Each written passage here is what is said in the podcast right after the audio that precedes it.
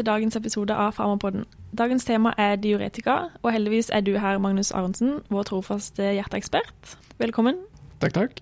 Dagens tema er som sagt eh, diuretika. Kort, Magnus, hvordan virker egentlig diuretika? Nei, diuretika, eller vanndrivende legemidler, eh, det er eh, akkurat det det høres ut som. Det er legemidler som øker urinproduksjonen. Diuretika, det virker på nyrene. Altså Mekanismen er i nyrene for å hva skal jeg si, molekylært tvinge eh, nyrene til å skille ut mer vann eller væske med urinen, og mindre reopptak eh, i praksis. da. Og Da har vi to hovedtyper, kan man godt si.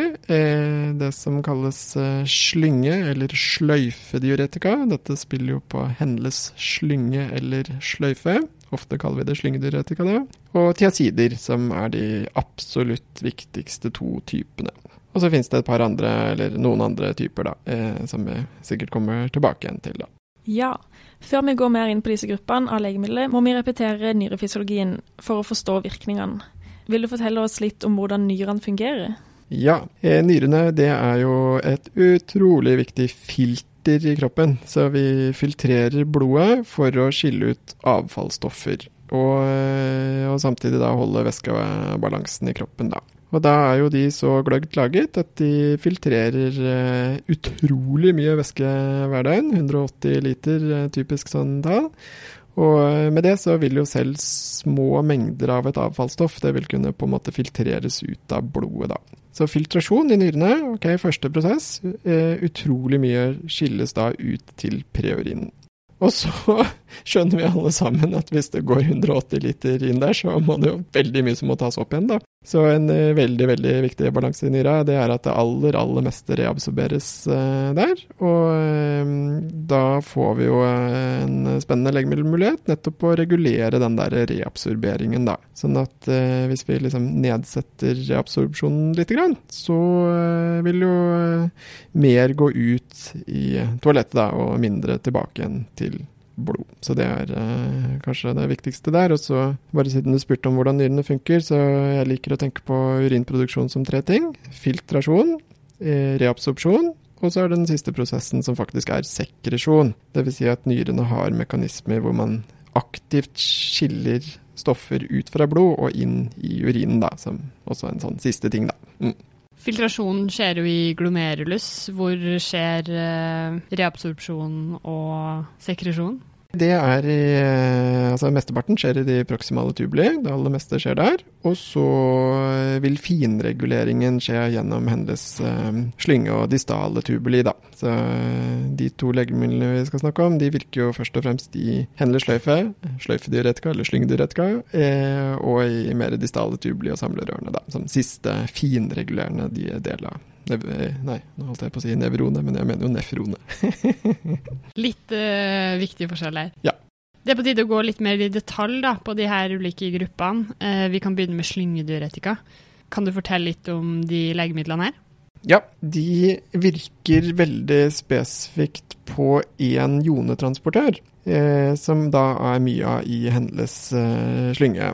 Og eh, det er en kotransportør av natrium, kalium og to klor. Og eh, kotransportøren, eller symporteren, er slik at alle disse eh, fire ionene, da, altså natrium, kalium og to klor, de går samme vei. Så dette er jo en viktig greie hvor man skiller salter ut av hennes sløyfe, og så tilbake igjen til vevet, da. Så i praksis nå, det, dette er en transportør som frakter masse ioner ut av preurinen og tilbake igjen til kroppen.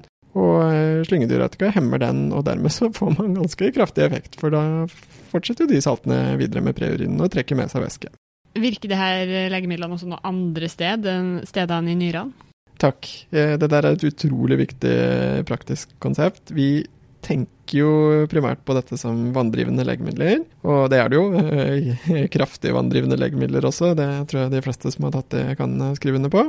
Men eh, som eh, klinikeren har sagt, da, så er jo det utrolig greit å ha med seg at de har en helt annen virkning òg, som er viktig for oss i den praktiske bruken. Og det er at de faktisk virker vasodilaterende. Eh, og eh, i denne sammenheng så tror jeg kanskje jeg vil eh, highlighte det at jo da, det virker på kar, men det virker på vener. Og da husker vi jo at det å utvide venene, som disse medisinene gjør, så får vi opphopning av blod i venene, og dermed mindre venøs tilbakestrømning. Og det gjør at disse medisinene er helt supre å bruke bl.a. ved lungeødem, der hvor hva skal jeg si, hjertet får for mye blod tilbake igjen. Og da er faktisk loopdiuretika en veldig fin måte å både kvitte seg med væske, men også dilatere venene og da avlaste hjertet på to ulike måter, rett og slett. da. Bortsett fra lungedem, kanskje, da, eh, hva er indikasjonen for bruk av slyngediuretika?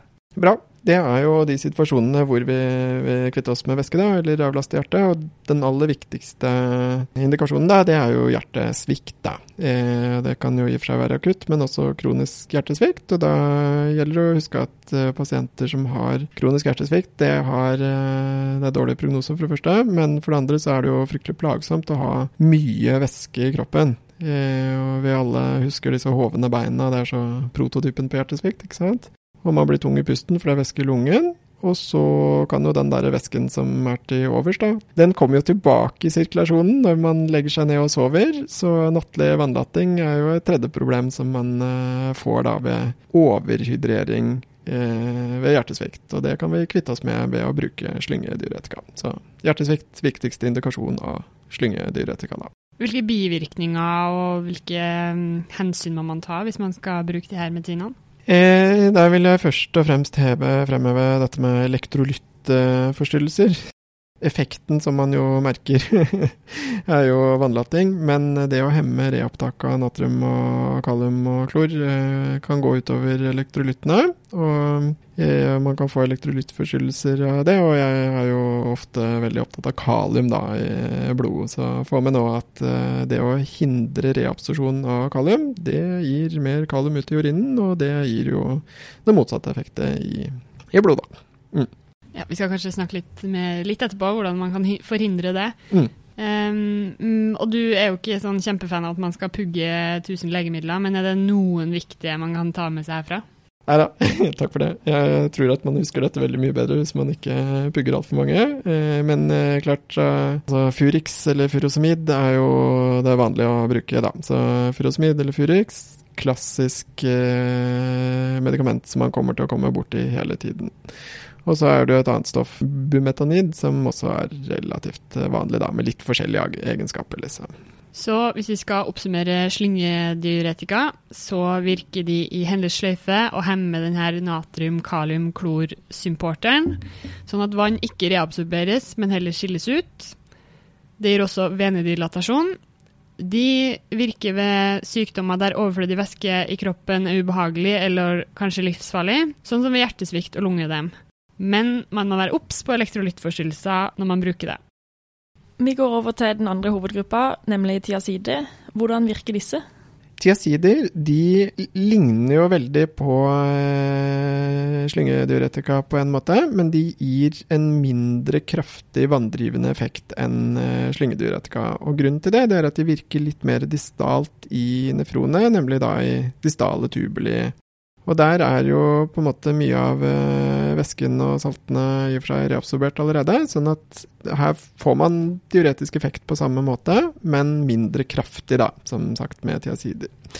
Og det skyldes at man inhiberer en sånn eh, kotransportør av natrium og klorid, som da er eh, distale tubuli. Og med det så vil jo natrium og klorid ikke reabsorberes, men heller gå eh, videre i systemet og trekke med seg vann, da, som gir diuretisk effekt. Og da kan man jo godt merke seg kanskje også at her vil man eh, først og fremst påvirke da, nyrenes evne til å fortynne urinen, som er en slags kontrast til slyngediuretika. da. Hva betyr det egentlig at fortynningsevnen reduseres? Eh, det å fortynne urinen, altså hvor, hvor, konsentrert er urinen, liksom, det er jo forholdet mellom salter og vann, da. Og konsentrere den, det vil jo si at det er veldig mye salter per vann, og omvendt fortynnen fortynne er at det er mye vann per salt, da. Altså høy eller lav osmolaritet. Og da syns i hvert fall jeg det er veldig logisk å huske at, uh, at lyngediuretika og tiasider har litt omvendt effekt, uh, rett og slett, i forhold til det med fortynning. Og nedi Henles uh, slynge, så ja, der, det er jo der konsentreringen av urin skjer. Det husker vi jo, vi husker alle disse her osmolaritetsgradientene og sånn. Det er der nei, konsentrasjonen skjer. Så slyngediuretika det går først og fremst utover nyrenes evne til å konsentrere urin, og indirekte effekter som følge av det. Og motsatt, ganske mye mer komplisert i hvert fall i mitt hode, så eh, skjer jo muligheten for fortynning lenger ut i distale tubuli, og det er der hvor eh, tiasidene virker. Så tiasidene vil først og fremst da påvirke nyrens evne til å fortynne urinen, da. Men eh, bottom line, begge to er urinproduserende legemidler, eller vanndrivende legemidler, som da virker inn på to ulike nyreegenskaper, da. Konsentrasjonsevnen og fortynningsevnen, da. Mm. Ja, jeg skjønner. Hva er egentlig indikasjonen for bruk av tiazide? Typiske bruken, må være lov å si, kan være hyperensjon. Altså, dette er et av førstevalgene i guidelines, faktisk, mot høyt blodtrykk eh, hos sønn, sånn, så dette er jo en hyperensjonsbehandling. Og så kan det jo også brukes mot eh, hjertesvikt da, ved behov, men det er nok vanligere å bruke eh, slyngediuretika mot eh, hjertesvikt. da.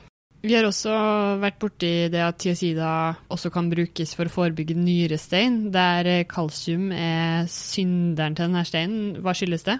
Det er uh, spennende elektrofysiologi og jonefysiologi, da. Men uh, ikke sant? Altså, tiazidene de virker på denne natriumklorid-symporteren. og det kan påvirke natriumkonsentrasjonen i cellene. Og det igjen kan påvirke da en annen symport, nemlig natrium- og kalsiumporten.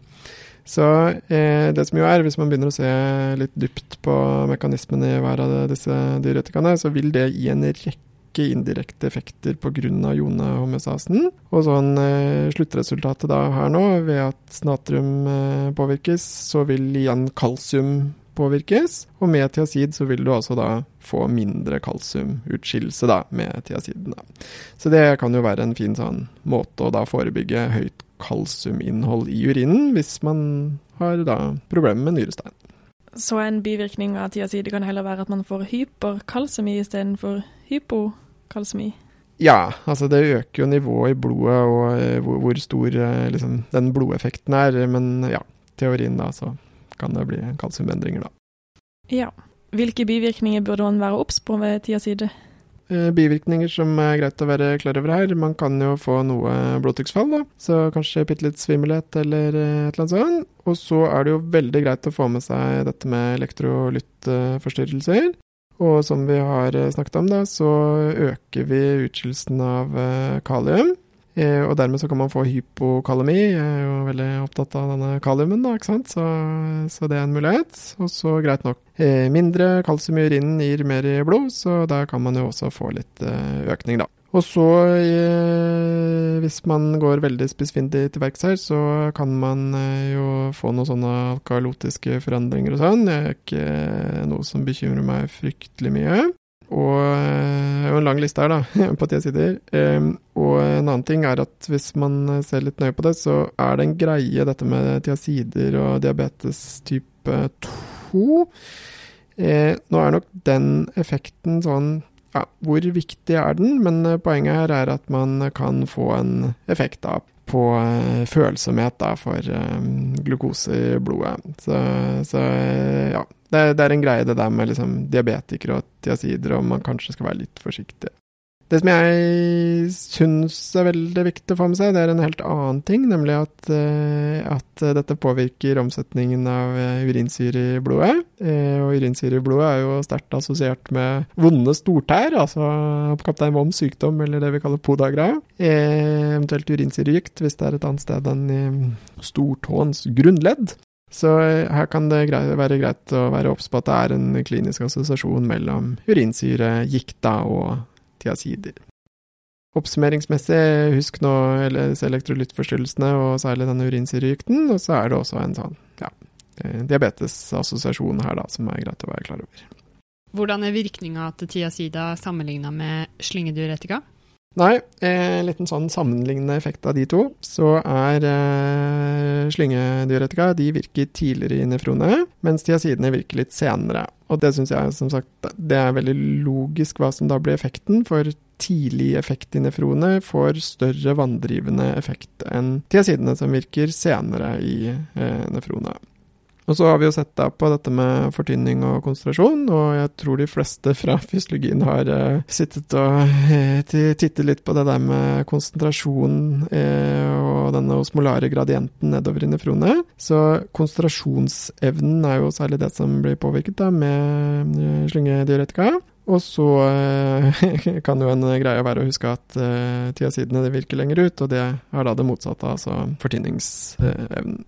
En viktig sammenligning det er at begge to gir kardilatasjon, som egentlig ikke har med den vanndrivende effekten å gjøre. Det er jo ulike teorier for hvordan det virker, og det er kanskje ikke helt um, avklart, men i alle fall få med at disse to virker begge på karene og gir dilatasjon der gjennom litt ukjent mekanisme. Det er ikke så farlig hva det er, men det er en viktig klinisk greie som gjør at vi kan bruke disse til både akutt hjertesvikt og som blodtrykksbehandling.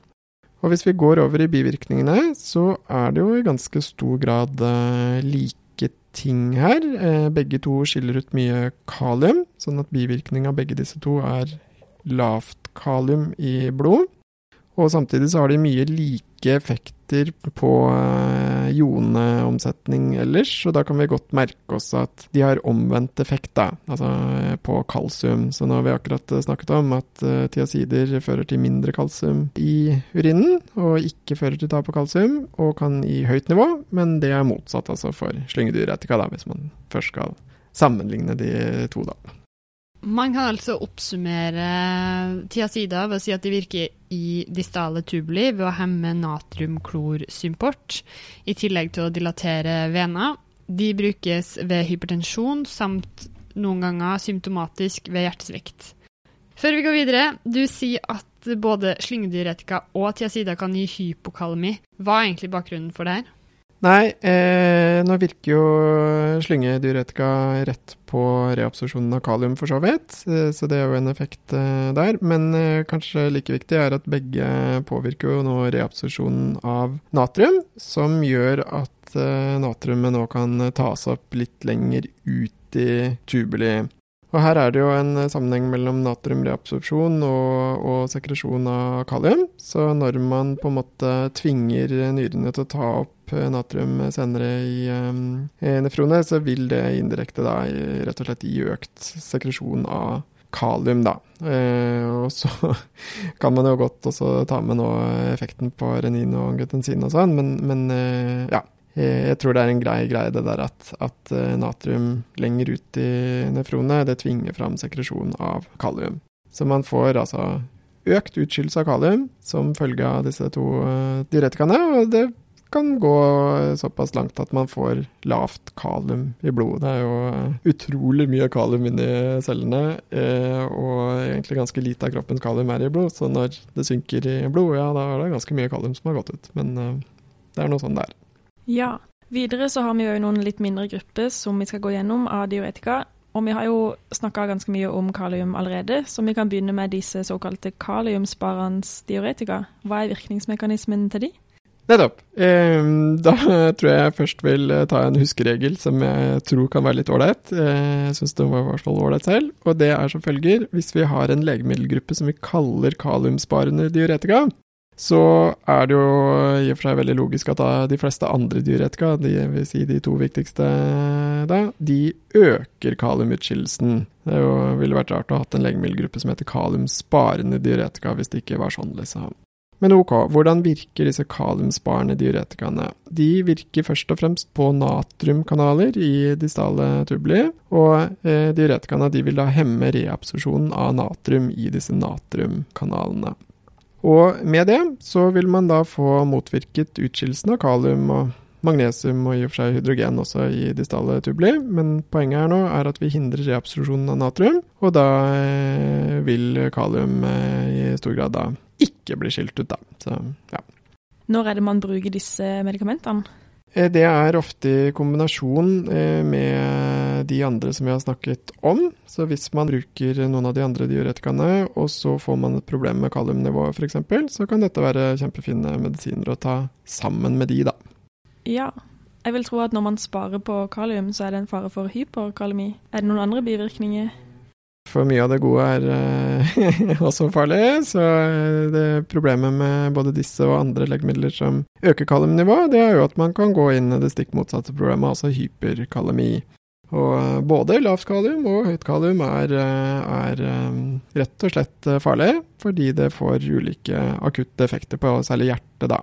Og Der kan vi godt nevne en viktig ting, og det er eldre som har dårlig nyrefunksjon i utgangspunktet. Nyresvikt gir jo høyt kaliumnivå, og hvis man får et legemiddel på toppen som gir risiko for høye kaliumnivåer, så, ja, så kan man godt få hyperkalemi, da, som er like farlig som hypokalemi, kan man godt si. En annen litt mindre kjent gruppe med diuretika er karbonanhydrasehemmere. Det ligger jo litt i navnet hva de her medikamentene gjør, men hvilken funksjon har de? Karbonanhydrasehemmere, det ligger jo litt i ordet. De hemmer altså enzymet karbonanhydrase. Og eh, ultrakjapp repetisjon av et utrolig komplisert tema, egentlig, det er at karbonanhydrase det er det enzymet som omdanner eh, CO2 og vann til eh, H pluss og bikarbonat. Og der er det jo sånn at vi eh, Altså nyrene er en uh, utrolig viktig greie, det, for å fintune syre-basebalansen i kroppen. Det husker vi sikkert fra syrebasforstyrrelser, hvor nyrene kan kompensere. Så hvis vi har litt syre i blod, så kan vi kvitte oss med det med å skille ut urinen, da, selvfølgelig. Og der er karbonandrase helt uh, sentralt, fordi at der lager man opp hele tiden da H pluss og bikarbonat, hvor bikarbonat stort sett reabsorberes og H pluss uh, går videre. Og så kan det faktisk gå motsatt vei også, hvis nyrene må, da.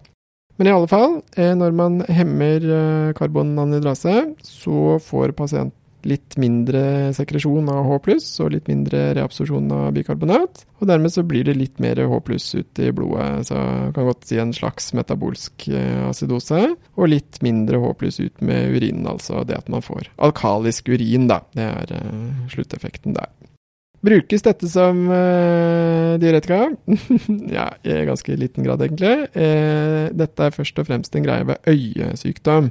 Fordi at også kammervannsproduksjonen, altså vannet i fremre del av øyet, det styres også av denne mekanismen, da. Så i de situasjonene hvor man vil ha litt mindre kammervann, så kan dette være fint å bruke. Det er det ene. Og det andre som er litt mer sånn uoffisiell eh, bruk, det er ved høydesyke, hvor man får litt problemer med syre-baseomsetningen. og Da har man ofte prøvd å regulere det, da, men det funker ikke så godt. Så hvilke øyesykdommer er det man bruker denne medisinen mot? Det er glaukom, i all hovedsak der hvor det er eh, for mye kammervæske, eller man vil prøve å senke trykket ved å, å få mindre kammervæske. Så glaukom. Hvilke bivirkninger må man være eh, påpasselig med? Nei eh, Ja, vi får ta en liste. Eh, det kan være litt eh, trøtthet og søvnløshet, greit nok. Man kan få litt parasesier, eh, og det som kan være litt eh, viktig å få med seg, det er jo selvfølgelig da siden vi påvirker nyrene, indirekte her litt nyrestein kan, kan dukke opp. Og litt elektrolyttforstyrrelser, og da den metabolske acidosen, da, som i verste fall. Og eh, redusert allmenntilstand kan man også ta med som et sånt tegn på at det er noe i gjære, da. Så egentlig ganske mange, men eh, kanskje et råd eh, få med den reduserte allmenntilstanden. Da, da kan det være greit å sjekke ut elektrolyttene og kanskje vurdere å kutte medisinen, da.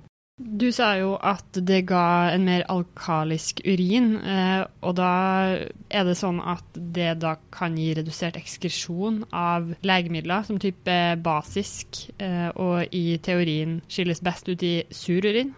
Dette er jo et veldig fint sånn, eksempel på eh, legemiddelinteraksjoner.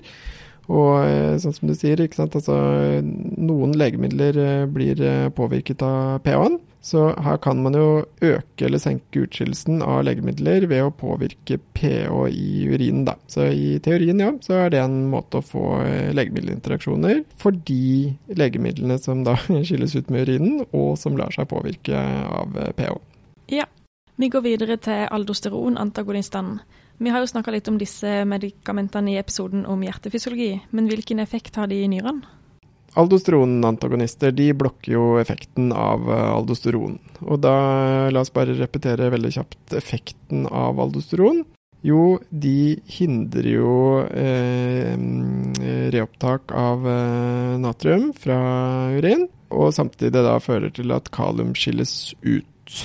Så eh, økt eh, reopptak av urin, av natrium, og da dermed væske, og samtidig utskillelse av kalium. Det er aldosterons effekt til vanlig. Og Dermed så blir jo effekten av aldosteronblokkere det motsatte, altså mindre reabsorpsjon av natrium og væske, og samtidig mindre kaliumutskillelse der. Og mer kalium tilbake igjen til blod. Så det er på en måte den elektrofysiologiske effekten. Men eh, det kanskje viktigste er faktisk bottom line, litt kjedelig. Det er at den viktigste effekten av de er at de har eh, altså beskyttende effekt mot denne remodelleringen som skjer ved hjertet, altså noe helt annet, egentlig. Ved å da eh, blokkere aldostronens langtidsvirkninger i hjertet. Og det har vist seg å være skadelig, så derfor er det også med aldostronblokkere, akkurat som med betablokkere og ACM-ere slash ARBS ved hjertesvikt, så har da disse aldostronblokkerne beskyttende effekt mot langtidsskade av aktivering av RAS-systemet i hjertet.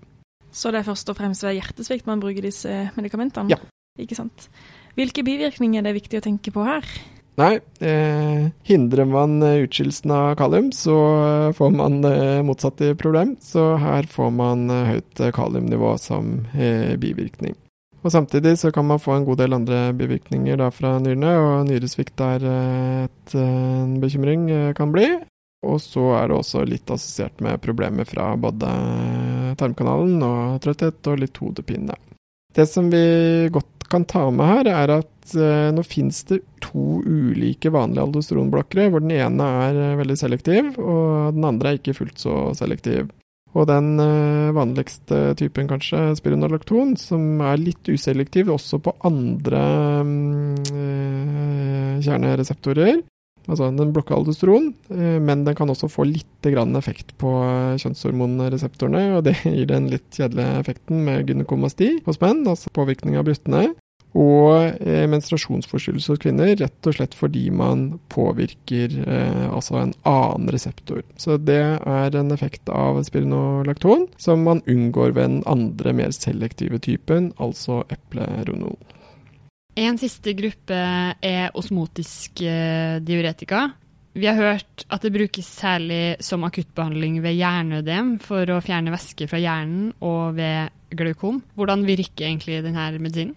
Ja, det er uh, manitol. Og det var en eller annen som sa til meg at når du liksom skal virkelig slå til med storslegga for å få diurese, så er det manitol. Og det er uh, egentlig et ganske godt bilde. Det er en uh, veldig kraftig greie. Og det er rett og slett at man får en osmolytt som ikke reabsorberes. Så hvis vi da husker denne effekten med 180 liter, og man får en osmolytt der som ikke liksom lar seg gå ut, så, så, kan man få ganske kraftig diurese, da. Um, og det er jo sammenlignbart med laktoseintoleranse hos de som ikke har det i tarmen. Altså det trekker med seg utrolig mye væske da gjennom nyrene.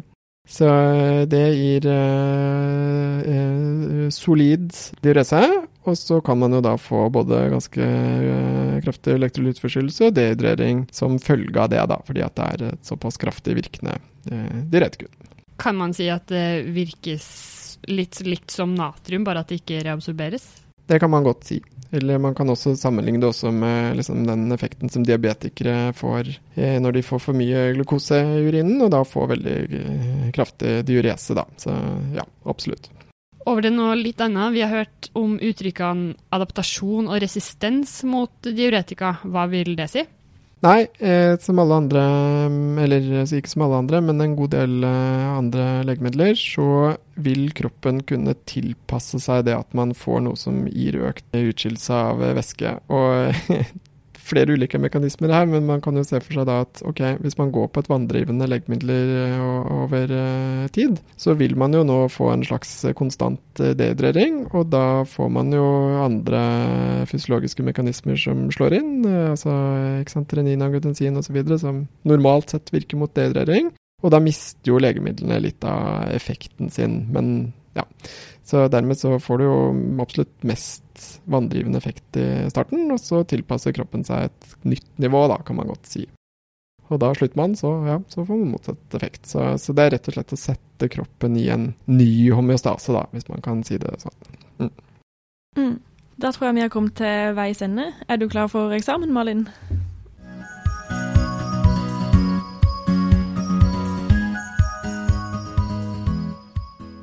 Nei. Men det er vel ikke et godkjent svar? Nei da, vi får prøve kanskje litt sammen å um, komme oss gjennom det vi har uh, hørt fra Magnus nå. Helt overordna så virker jo diuretika ved å øke produksjonen av urin, og det kalles derfor også et vanndrivende legemiddel som driver vann ut av kroppen. Diuretika virker på nyrene, men indikasjonen for bruk er hovedsakelig hjertesykdom. Vi har to hovedgrupper diuretika som i hvert fall er lurt å huske på. Det er slyngediuretika, og det er tiazida. I tillegg så har vi eh, fire litt mindre grupper. Hvis vi tar de hovedgruppene først, så er slyngediuretika, loopdiuretika eller kanskje sløyfediuretika, om eh, man skal være vågal å si det. Eh, det virker hendeløs sløyfe og hemmer natrium, kalium og klorsymporten. Når de her tas opp, tas heller ikke vann opp, og da skilles vannet ut. En gunstig tilleggseffekt det er venedilatasjon. Viktige indikasjoner er hjertesvikt og lungeødem for å få livsfarlig overflødig væske ut av kroppen. De viktigste bivirkningene er elektrolyttforstyrrelser, og da må man særlig tenke på kalium, men også kalsium og magnesium. Slyngediuretika hemmer konsentreringsevnen av urinen pga. at den ødelegger gradienten i interstitiet. Tar du tiazida, Cecilie? Ja, jeg kan prøve på det. Tiazide hemmer en natrium-klorsymporter i distale tubli, og det er altså mer distalt, sånn at den gir litt mindre effekt enn slyngediuretika, fordi reabsorpsjonen er noe mindre i distale tubli. Eh, I tillegg eh, så gir han òg venedilatasjon, samme som slyngediuretika. En viktig forskjell er at tiazide ikke gir tap av kalsium, men heller gir en fare for hypokalsemi. Og den kan derfor brukes som profylakse mot kalsiumindusert nyrestein. Og tiazide reduserer fortynningsevnen av urinen, fordi det er i distale tubli at fortynninga skjer. Så har vi de litt mindre gruppene. Kaliumsparende diuretika. Det sier seg selv at Eh, den eh, sparer på kalium. Eh, karbonanhydrasehemmer, som ikke brukes på så mye annet enn øyesykdommer. Aldosteronantagonister og osmotiske diuretika, som man bruker ved hjerneødem. Ja. Er eksamen bestått, Magnus? Som alltid med glans. Tusen takk til deg, Magnus, for at du har lært oss om diuretika i dag. Og dersom du som hører på har spørsmål til Magnus eller oss, så er det bare å sende en mail til farmapodden alfakrøllgmail.com. Og vi finnes også på Facebook og Instagram. Takk for at du lytta. Ha det!